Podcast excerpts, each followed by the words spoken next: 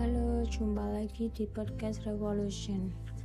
Kali ini saya akan mengulas novel yang berjudul Sirkus Pohon karya Andrea Hirata.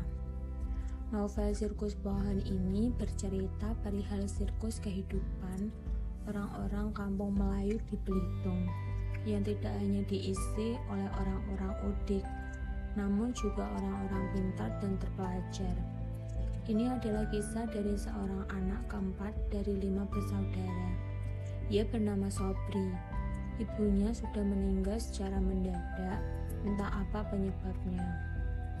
Ayahnya berusia 70 tahun dan berprofesi sebagai penjual minuman ringan di stadion kabupaten. Kakak pertamanya yaitu orang terpandang yang bekerja di eksplorasi PM Timah.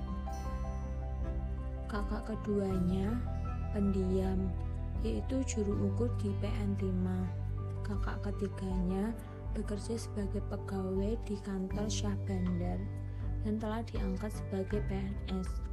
Dan yang terakhir adalah adik bungsunya yang suka menyiksa suaminya. Sobri adalah seorang pria yang telah memasuki umur di mana pria pada umumnya telah mapan dan berkeluarga. Tetapi ia menjadi pria yang anti mainstream, yaitu dengan lulusan SMP, pengangguran, dan kena cap komplotan Brahmacora oleh masyarakat setempat akibat bergaul dengan Taripol, yaitu seorang Brahmacora level begawan. Tiap hari Sobri kena omel adik perempuannya lantaran menjadi pengangguran hingga pada suatu hari ia bertemu dengan seorang perempuan penyuka delima yaitu bernama Dinda. Pertemuannya itu memberinya semangat untuk lebih gigih mencari kerja tetap setelah sebelumnya menjadi kuli pasar dan kerja serabutan untuk kemudian bisa melamar Dinda dan membangun mahligai cinta bersamanya. Sementara Tegar dan Tara, dua orang remaja yang terus berusaha mencari kenangan di masa kecilnya saat dulu berkunjung di balai pengadilan agama. Perjalanan Sobri mencari kerja tetap ini kemudian mempertemukannya dengan ibu bos. Ibu bos ini ibu dari Tara, pemilik sirkus keliling. Bekerja dengan ibu bos, ia menjadi seseorang badut sirkus. Sobri belajar banyak hal dan terkagum-kagum akan dunia sirkus yang penuh dengan orang-orang hebat. Salah satu hal yang Sobri pelajari dari dunia sirkus tepatnya dari sutradara sirkus tersebut, yaitu ibu bos. Sebagai seorang janda, ia memiliki ketegaran dan kegigihan.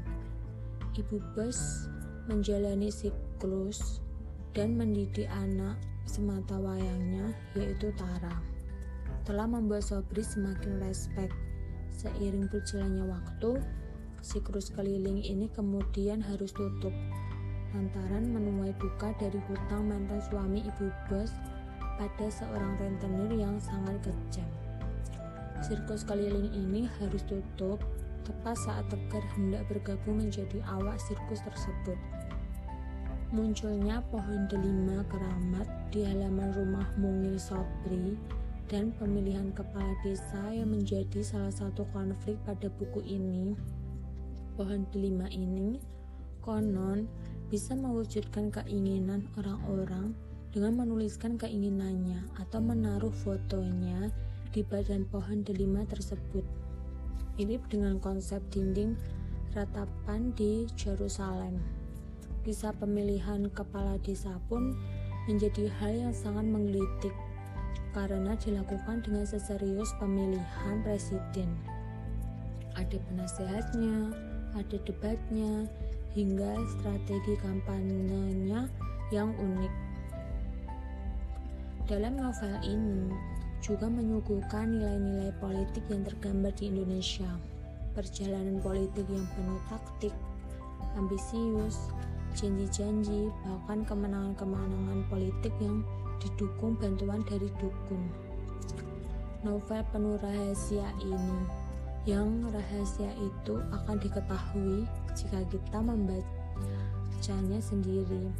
Buat delima yang menjadi ide pembicaraan juga terkesan unik dan mengandung rasa ingin tahu. Dalam novel ini juga menceritakan banyak hal menarik dan pengalaman yang seru. Novel ini juga mengajarkan makna cinta, ketulusan, dan pengorbanan.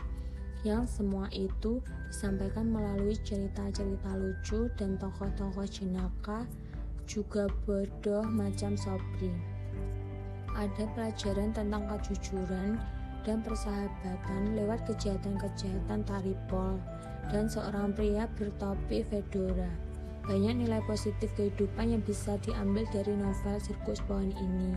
Jadi, teman-teman, kalian kalau ingin tahu lebih jelasnya, kalian harus membaca novel Sirkus Pohon karya Andrea Hirata ini.